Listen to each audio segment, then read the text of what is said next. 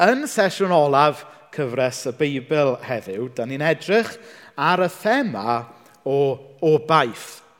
A gofyn y cwestiwn, lle mae ein cartref yn y pen draw? Nawr mae'r daith o Gernarfon i gwm gwendraeth lle gath Mena i magu yn daith hir a throellog, The Long and Winding Road, fel canodd y Beatles. A mae e yn arbennig o daith hir ar brynhawniau oer a glib yn y geiaf. A mae e yn daith hyd yn oed fwy hir i cadog a nedw bach sy'n iste yng nghefn y car. Tro diwetha i ni fentro gwneud y daith hir yma, oedden ni dim ond deg munud mewn i'r daith, jyst yn pasio pen y groes, pan mae yna lais bach yn gofyn o'r cefn, ydyn ni bron yna. Yn fel bron yna, newydd gychwyn ydyn ni. Um, ond, o'n i'n gallu dweud wrth cadog um, bod taid a mam gi yn disgwyl amdanyn nhw ar ddiwedd y daith. Ac roedd y gobaith yna o wybod fod yna rhywbeth da bod yna freichiau agored, fod yna rhywun yn eu caru nhw ar ddiwedd y daith, yn ddigon o blwc iddyn nhw allu byw efo'r daith a, a mynd trwy'r daith er gweitha pa mor oer oedd hi, er, er gweitha pa mor droethog oedd hi. Mi oedd y gobaith o bod beth oedd ar ddiwedd y daith jyst yn ddigon i'w cynnal nhw trwy y daith ei hun hyd yn oed bod y daith yna yn wahanol. A dyna be mae gobaith yn gwneud, yn dyfa. Mae gobaith ynglyn â rhywbeth sydd i ddod, neu gobaith ynglyn â'r dyfodol, yn gallu newid yn prosbectif ni o ran byw yn y presennol. A dyma fydd y thema byddwn ni'n mynd ar ei olau gyda'n gilydd heddiw. Mae'r Beibl yn gorffen gyda gweledigaeth anhygoel ynglyn â'r hyn sydd i ddod. Nawr, da ni yn aml yn profi byd creulon. Da ni'n aml yn profi byd sy'n dirywio o'n cwmpas ni. Ond mae diwedd y Beibl yn rhoi gweledigaeth i ni o ddynoliaeth newydd o greadigaeth wedi i hadfer mewn nefoedd newydd a deiar newydd sydd yn rhydd o bob poen ac yn rhydd o bob drygioni. Mae hwn yn obaith i ddisgwyl mlaen amdano. A dyma yw'r gobaith mae'r eglwys grisnogol trwy y canrifoedd wedi credu ynddo fe a wedi byw yn ei oleini fe. Nawr, mae yna rhyw synwyr dofn ym mhob un ohono ni'n does, fod pethau nawr ddim cweit fel y dylen ni fod, fel y dylen nhw fod. Wrth i ni brofi poen yn hunain, wrth i ni weld cenhedloedd yn rhyfela, wrth i ni weld y, y greadigaeth yn cael ei ddinistrio gan, gan chwant a cyfalafiaeth a cynhesu byd eang. Mae yna hiraeth dofn hynny ni i brofi rhywbeth gwell, i weld byd gwell, i brofi rhyddid go iawn. A mae rhan olaf y Beibl yn arbennig llyfr y datgyddiad yn pwyntio pwyntio ni ymlaen i'r gobaith a'r cartref tragwyddol yma sydd ar gael i ni. Nawr, un peth sy'n drawiadol am y gobaith chrysnogol yw fod e mewn gwirionedd yn rhedeg yn gwbl groes i syniadau cyfoes ynglyn â sut mae ffeindio pwrpas a ffeindio boddhad. Yn y byd modern, da ni'n byw yn ddo heddiw, yr, y gred yw mae'r hyn sydd gyda ni nawr yw y gorau mae hi'n mynd. This is as good as it gets. Neu i chi falle wedi clywed um, rhai pobl ifanc yn, yn dweud YOLO, you only live once. Hynny yw, mae rhaid gwneud y gorau o heddiw achos heddiw yw'r unig beth sydd gyda ni. Ond problem y math yma o feddylfryd yw bod e'n rhoi gymaint o bwysau ar heddiw nes bod y profiad yn hollol crushing wedyn. Mae yna gymaint o, o um, bwysau ar bobl i wneud y penderfyniadau cywir i gyd heddiw, i weithio mor galed y gallwch chi heddiw, i wasgu pob munud, pob eiliad o waith allan o heddiw, yr pwysau i gael y berthynas yma y berthynas berffaith i fusoddi yn y pethau a'r perthnasau iawn, achos dyma eich unig siawns chi. Mae'r pwysau yma jyst yn aruthrol yn dydy. A mae rhai pobl sy'n llawer fwy galluog na fi yn dweud mae'r duedd yma mewn cymdeithas gyfoes sydd yn arwain yn rhannol at yr argyfwng iechyd meddwl da ni'n ei brofi yng nghymdeithas heddiw. Just oherwydd bod pobl wedi cochi prosbectif tragwyddol ynglyn â gobaith tu hwnt i heddiw, a bod y pwysau i gyd just ar y foment yna mae pobl yn ffeindio hunan yn cael eu crysio yn y foment yna. Yr eironi yw fod y pwyslais ar fyw yn y foment – actually yn dwy'n llawenydd o'r foment.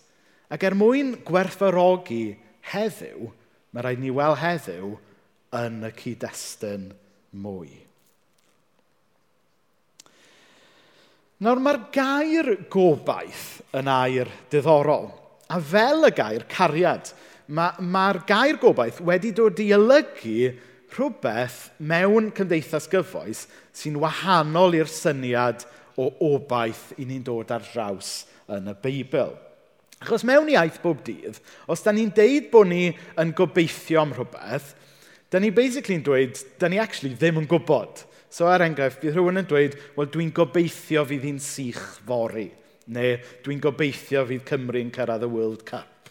Hynny yw, da ni'n dynyddio'r gair gobeithio am rhywbeth da ni actually ddim yn siŵr ohono fe. Ond pa mae'r Beibl yn sôn am obaith.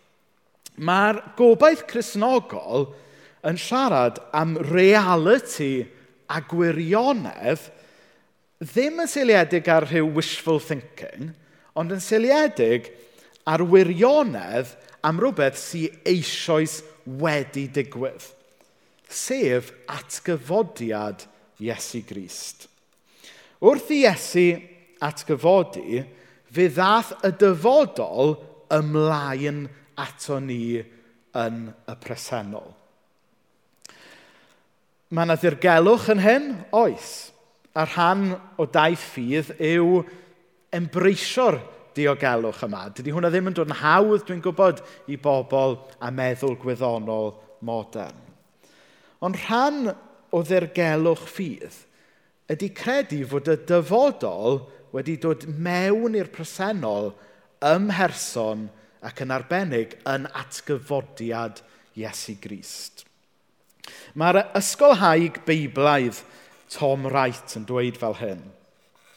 All language about the future is simply a set of signposts pointing into a fog.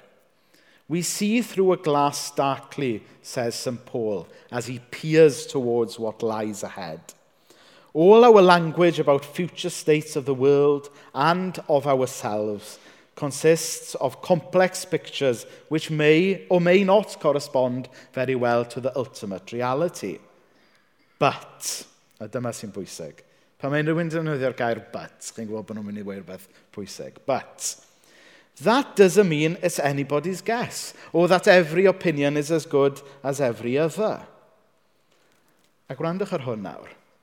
And supposing someone came forward out of the fog to meet us. A siarad mae efan yna ynglyn â Iesu Grist. Fel Cresnogion, fe allwn ni ffeindio heddwch a gobaith ynglyn â'r dyfodol, achos bod y dyfodol wedi dod ymlaen ato ni ym mherson Iesu Grist. Ydy, mae edrych i'r dyfodol weithiau'n teimlo fel edrych mewn i'r newl. Ond allan o'r niwl, niwl mae yna law yn dod i'n cyfarfod ni. A llaw Iesu yw hwnna. Mae Iesu Gris ddim yn unig yn rhoi rhagflas i ni o'r dyfodol, ond mae e'n dangos i ni hefyd sut beth fydd y dyfodol. Dath Iesu Grist i achau pobl. Fe ddath e i godi pobl y pobl orthrymedig i fyny. Fe ddath ei ddangos beth oedd cariad am y ddeiant go iawn.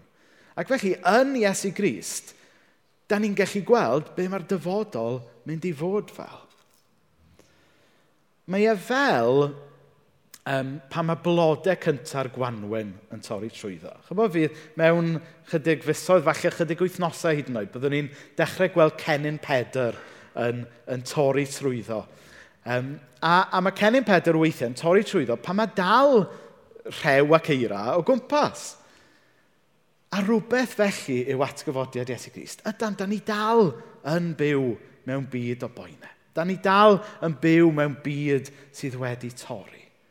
Ond yn Iesu Grist, da ni'n cael rhagflas.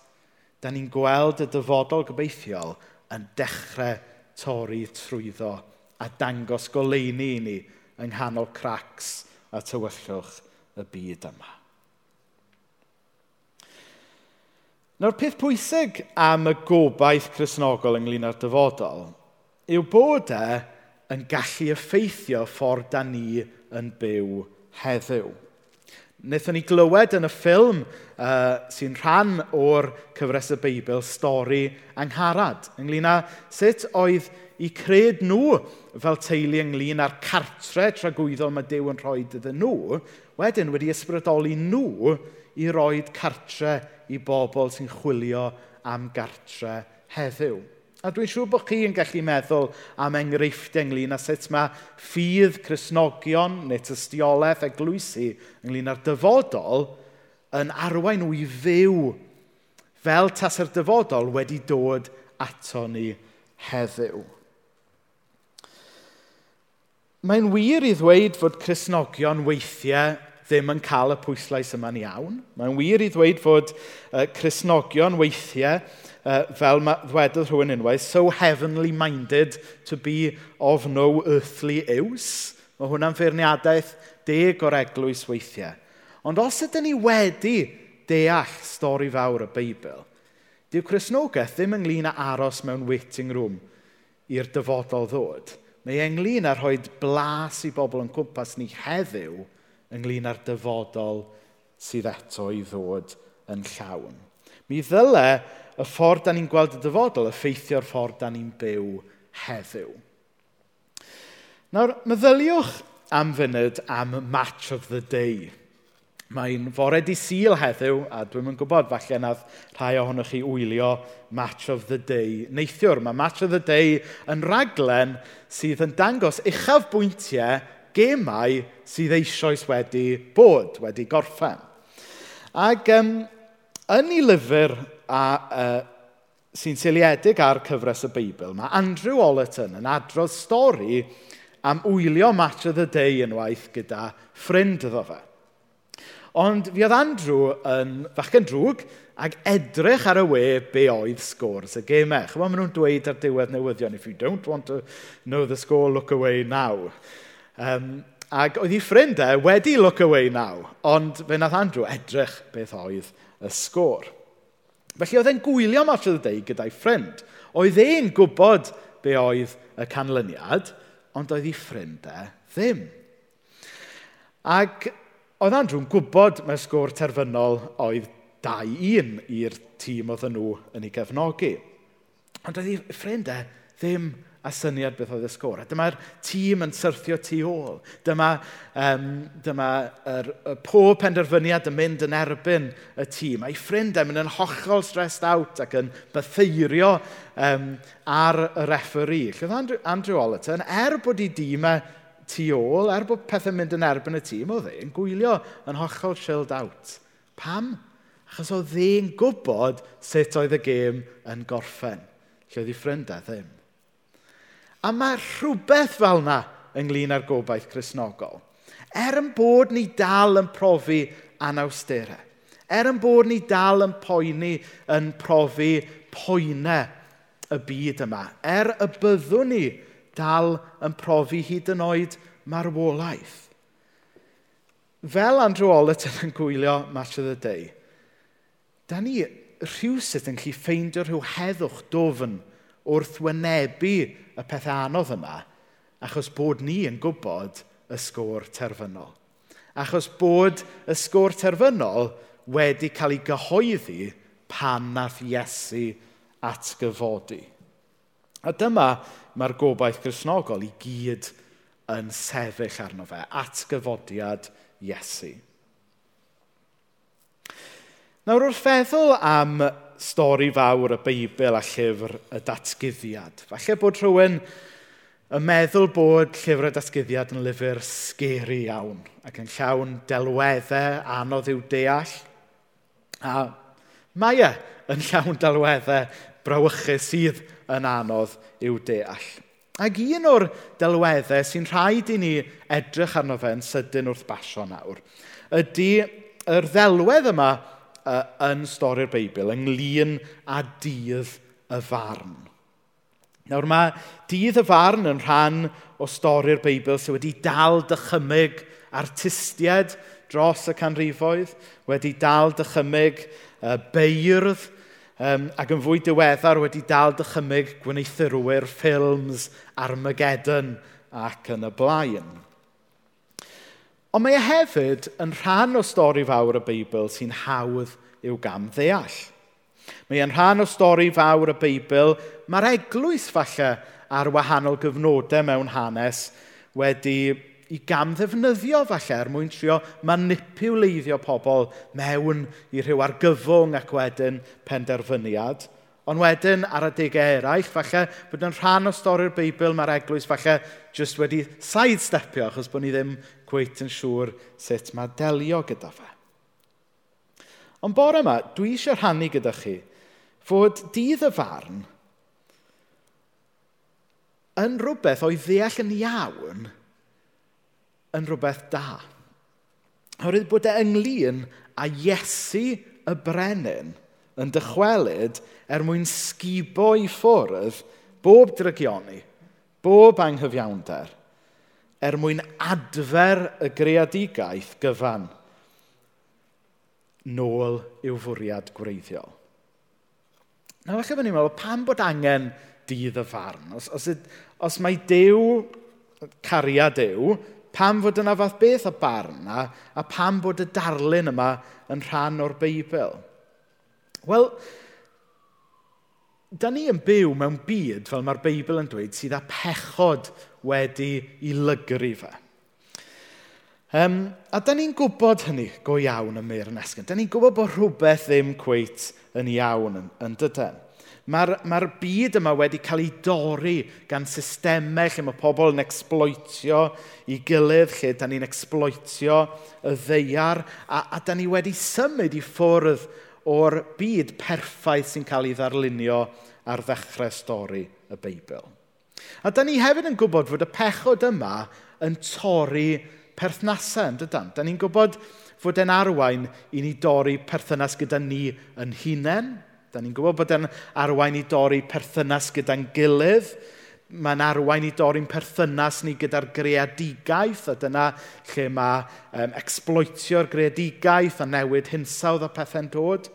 Ond o difrifol, mae'n arwain hefyd i dor perthynas rhwngtho ni a Dyw. Ac felly, os ydym ni'n credu bod cariad i deyrnasu, yna mae rhaid delio gyda'r tywyllwch yn toes. Er mwyn i gariad gael ei le, mae naturiol fod y dew cariad yna angen sgubo i ffwrdd tywyllwch a drygioni. Hynny yw, pwy sydd ddim eisiau dew ddelio gyda anghyfiawnder? Pwy sydd ddim eisiau dew ddelio gyda drygioni? Pwy sydd ddim eisiau gweld y dydd pan fydd cyfiawnder ddydd? yn cael ei le. A dyna mae dydd y farn ynglyn ag e. Mae ynglyn a Dyw yn dod i dorri allan yr hyn sydd yn ddrwg er mwyn i bopeth sydd yn dda deyrnasu unwaith eto. Nawr, da ni yn sychedu am ddydd lle fi drygioni wedi mynd yn dydyn. Da ni yn hiraethu am fydd le fydd cariad yn teirnasu. Ac felly, o ddeall dydd y farn fel yna, dyw e ddim yn ddwrnod i'w ofni fel y cyfryw, ond yn ysgrifennu, mae e'n ddwrnod i ddisgwyl ymlaen ato. Oherwydd y diw fydd yn barnu, fydd hefyd y diw sydd wedi marw dros i elynion. Y diw fydd yn dod â cyfiawnder ydy'r diw sydd wedi prynu y ddeiar gyfan yn ôl iddo fe ei hun. Nawr beth am y nefoedd? Lle mae'r nefoedd yn ffitio mewn i'r gobaith chrysnogol? Wel, rai blynyddoedd yn ôl, pan o'n i yn fyfyriwr, dwi'n cofio ffrind i ni oedd yn neud y cwrs alfa gyda ni. Oedd e ddim yn siŵr os oedd e'n barod i gymryd y cam o ddilyn Iesu. A o'n i'n gofyn fe, wel, beth sy'n dal ti nôl? A dyma fe'n rhannu gyda fi, wel, dwi ddim yn siŵr iawn os dwi eisiau treulio tragwyddoldeb yn y nefoedd. O, pam? Pam bod ti ddim eisiau treulio tragwyddoldeb yn y nefoedd? Wel, tybod, dwi ddim eisiau iste ar y cwmwl candy floss a canu ymynau. Mae gyd yn swndio bach yn boring i fi. A, a gwir amdani yw fod y ddelwedd um, y caricature cartwnaidd yma sydd gyda ni i'r nefoedd, mae e'n swndio fel rhyw fath o glorified health spa meets dechrau canu, dechrau camol. Ac, ac fel fy ffrind, mae'n swndio mwy fel hunlle na paradwys i fi. Ond y gwir amdani yw fod yr hyn sy'n cael ei ddarlunio i ni yn y Beibl yn wahanol i'r caricature yma sydd gyda ni o'r nefoedd. Um, mae diwylliant poblogaidd, um, gweithiau celf, a hyd yn oed rhai o'n emynau gor-sentimentalaidd ni fel eglwys yn rhy simplistic a wedi gor-simileiddio y peth. A roi rhyw syniad ffals o bobl o beth yw sylwedd y nefoedd newydd, y ddeiar newydd a'r gobaith chrysnogol. Drwy setlo ar rhyw ddealltwriaeth simplistic – o beth yw'r nefoedd, da ni weithiau um, ddim yn rhoi cyfle i bobl weld be mae'r Beibl go iawn yn dysgu amdano. Achos mae stori y Beibl, dwi e ddim yn gorffen gyda ni yn rhyw fflotio i ffwrdd i'r cymylau, ond mae e'n gorffen gyda Iesu yn dod yma i'r ddeiar er mwyn gwneud popeth y newydd. Ac felly mae'r gobaith Cresnogol, dwi e ddim yn gymaint ynglyn â ni yn mynd i ffwrdd, ond mae ynglyn â Dyw yn arwain i bobl i ail boblogi deiar newydd wedi i achau yn llwyr. A da ni'n gweld hwnna yn fwyaf clir yn datgyddiad 21. Yna gwelais nefoedd newydd a deiar newydd. Roedd y ddeiar ar awyr gyntaf wedi diflannu. Doedd y môr ddim yn bodoli ddim mwy. Wedyn clywais lais o'r orsedd yn cyhoeddi'n glir. Fydd dim marwolaeth o hyn ymlaen, dim galaru, dim wylo, dim poen. Mae pethau fel roedden nhw wedi mynd. Dyma'r un oedd yn eistedd ar yr orsedd yn dweud, edrychwch, dwi'n gwneud popeth yn newydd. Nawr, da ni'n cael darlun hyfryd fan yna ynglyn â'r gobaith Cresnogol. Nawr sylwch i ddechrau ar natur berffaith y ddeiar newydd. Mae popeth yn dda. Mae pob deigryn wedi cael ei sychu. Mae pob poen a marwolaeth wedi mynd. Ond sylwch hefyd pa mor llythrenol yw e. Nid jyst rhyw obaith ysbrydol sydd gyda ni. Ond mae'r gobaith yn un go iawn corfforol, tangible hefyd.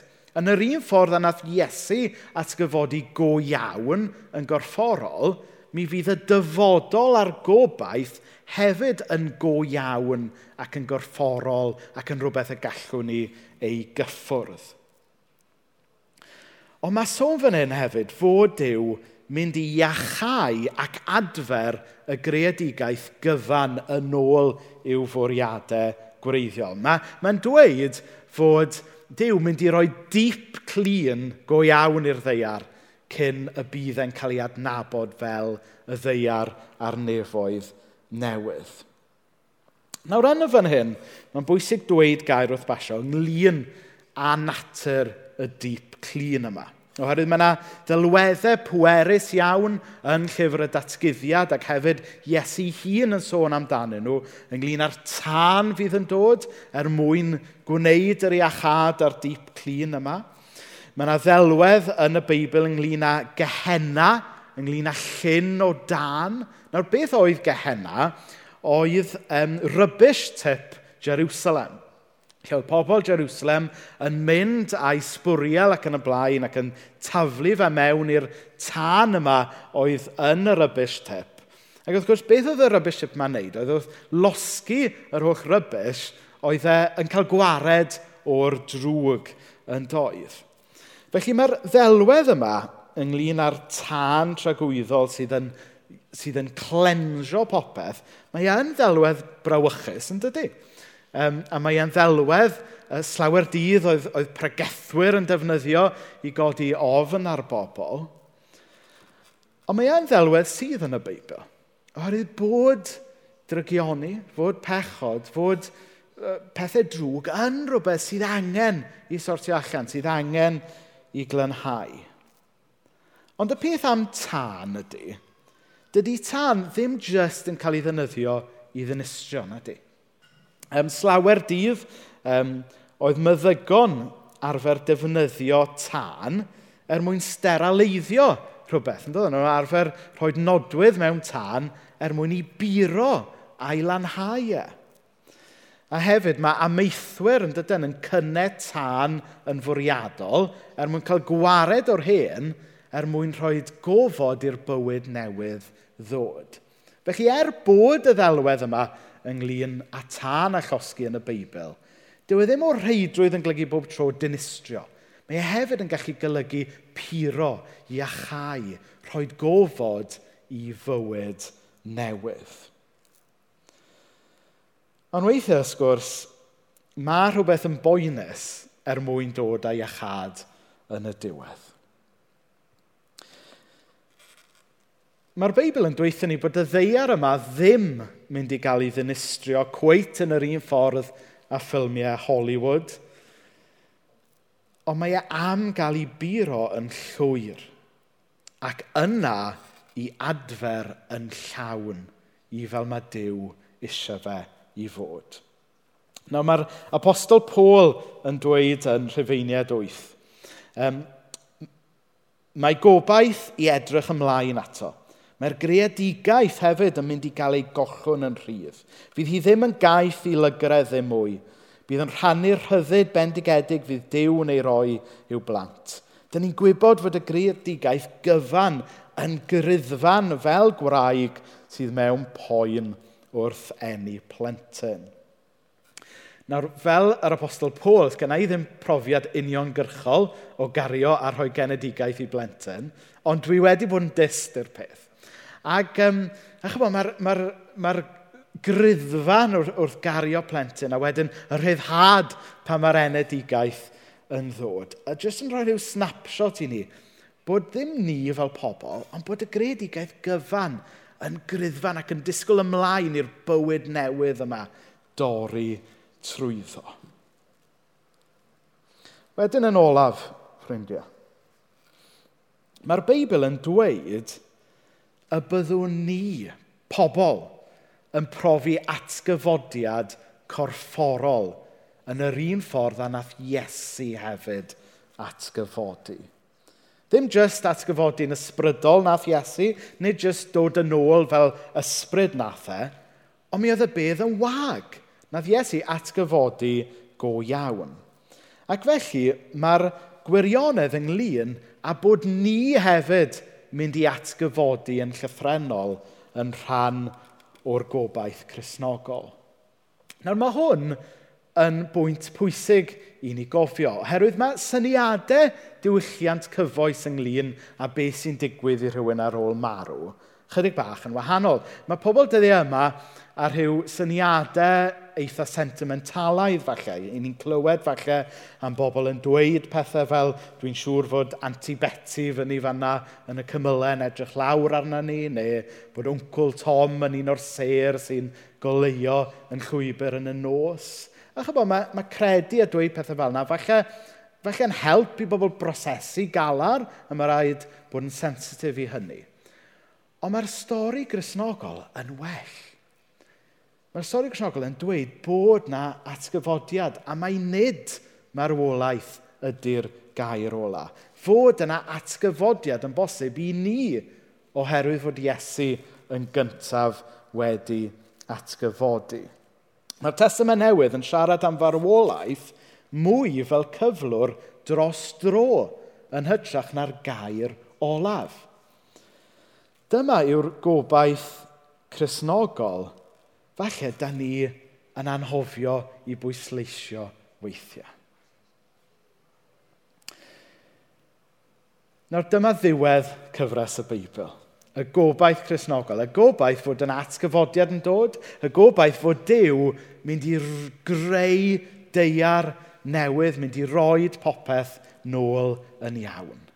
Mae hwn yn newyddion da. Mae hwn yn newyddion da ynglyn â'r dyfodol, dyle effeithio'r ffordd da ni'n gweld pethau ac yn byw bywyd heddiw. Oes mae yna fesur o ddirgelwch ynglyn â'r dyfodol. Mae gwahanol grisnogion dros y, dros y canrifoedd um, ddim yn siŵr ynglyn â pa rannau o'r stori yma sy'n mynd i fod yn wir i bwy. Mae rhai traddodiadau chrysnogol yn, yn credu bod nhw'n gwybod yn iawn who's in a who's out, lle mae rhai traddodiadau chrysnogol arall yn pwysleisio bod Dyw am adfer y cyfan. Ond y gwir amdani yw, mae eisiau ni gadw i ddew fod yn ddew. Um, ac yn ni beidio tri ateb y cwestiynau yma dros ni yn hunain. Ond be allwn ni ateb dros ni yn hunain? yw sut da ni yn bersonol yn ymateb i'r stori fawr yma. Ar ôl clywed y stori fawr yma, na ni beidio pwyntio bus a gofyn, wel, sut mae, be mae'r stori yma'n golygu i fo neu hi, neu sut mae fo neu hi mynd i ymateb i'r stori yma. Sut ydw i mynd i ymateb i'r stori yma? Ydy'r stori yma yn well na'r stori da chi'n ei brofi ar hyn o bryd? Ydy'r stori yma yn helpu chi i wneud synwyr o'r poen, falle y rhwystredigaeth da chi'n ei brofi ar hyn o bryd, ac yn codi chi allan o fyna a taro'ch llyged tuag at ddyfodol fwy gobeithiol. Ydy'r stori yma yn eich ail gysylltu chi efo'r Dyw sydd wedi'ch creu chi, y Dyw sydd yn eich caru chi, a'r Dyw sy'n eisoes wedi trefnu dyfodol gwell i chi. Os mae'r ateb yw ie, yna ddim jyst stori fawr y Beibl ydy hwn, ond gall hwn fod yn stori chi. A dyna sy'n hyfryd ynglyn â'r Beibl. Dyw e ddim jyst ynglyn â stori Dyw. Mae ynglyn â stori Dyw a dynoliaeth. Mae ynglyn â stori Dyw, mae ynglyn â stori chi. Gen i blygu pen mewn gweddi.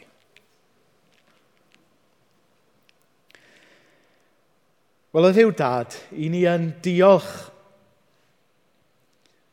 bod y stori fawr di yn helpu ni ddechrau gwneud synwyr o'n storis ni. Ni'n diolch fod stori fawr y Beibl yn rhoi fframwaith i ni geisio deall y profiadau da ni'n ei fyw. I ni'n diolch fod stori fawr y Beibl yn rhoi fframwaith i ni ddechrau gwneud synwyr o'r, or poen a'r pethau anodd da ni'n ei weld a'i brofi yn y byd yma.